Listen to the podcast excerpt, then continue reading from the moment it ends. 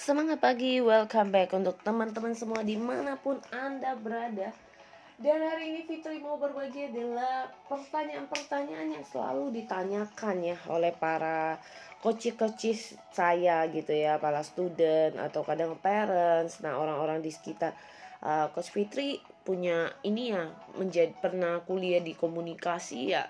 Kok komunikasinya baik? Dan kemudian juga bertanya berapa lama sih harus belajar public speaking? Komunikasi skill itu teman-teman hari ini saya uh, tidak mau menggurui orang saya juga tidak mau mengatakan bahwa oh kamu butuh sebulan kamu butuh empat bulan. Karena masing-masing orang berbeda kita tidak bisa ngejajingnya ini tipikal orang seperti apa dia ini cocoknya apa gitu jadi uh, masing-masingnya lagi adalah kalau ditanya seperti itu saya akan tanya seberapa banyak sih Anda melakukan latihan, seberapa banyak sih niat Anda untuk belajar. Karena kadang orang uh, pengen belajar katanya, tapi di saat ditanya diminta untuk melakukan tantangan, buat video, buat rekaman atau latihan perform, orang sering melarikan diri dari hal itu. Jadi kalau misalnya Anda tanya berapa lama?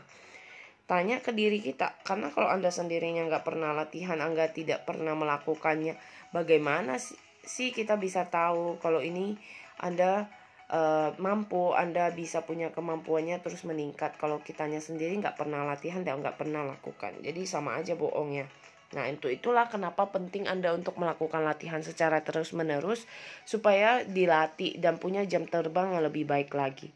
Jadi kalau misalnya Anda serius untuk mempelajari dan Anda benar-benar mempraktekannya, mungkin dalam satu bulan Anda cukup Anda terus menggali dan mengasahnya atau mungkin Anda butuh dua bulan, tiga bulan. Jadi masing-masing ke diri Anda sendiri. Teruslah lakukan melatih karena public speaking itu adalah ilmu terapan. Jadi nggak bisa tunggu anda harus sempurna dulu anda baru melakukan atau mempraktekkan. Justru di dalam keadaan anda sedang punya ilmunya anda perlu menerapkan mempraktekannya. Sehingga anda tahu sebagaimana batas kemampuan kapasitas itu. Lakukan yang terbaik semoga ini menginspirasi teman-teman dan terus boleh bermanfaat untuk anda semua. Semangat pagi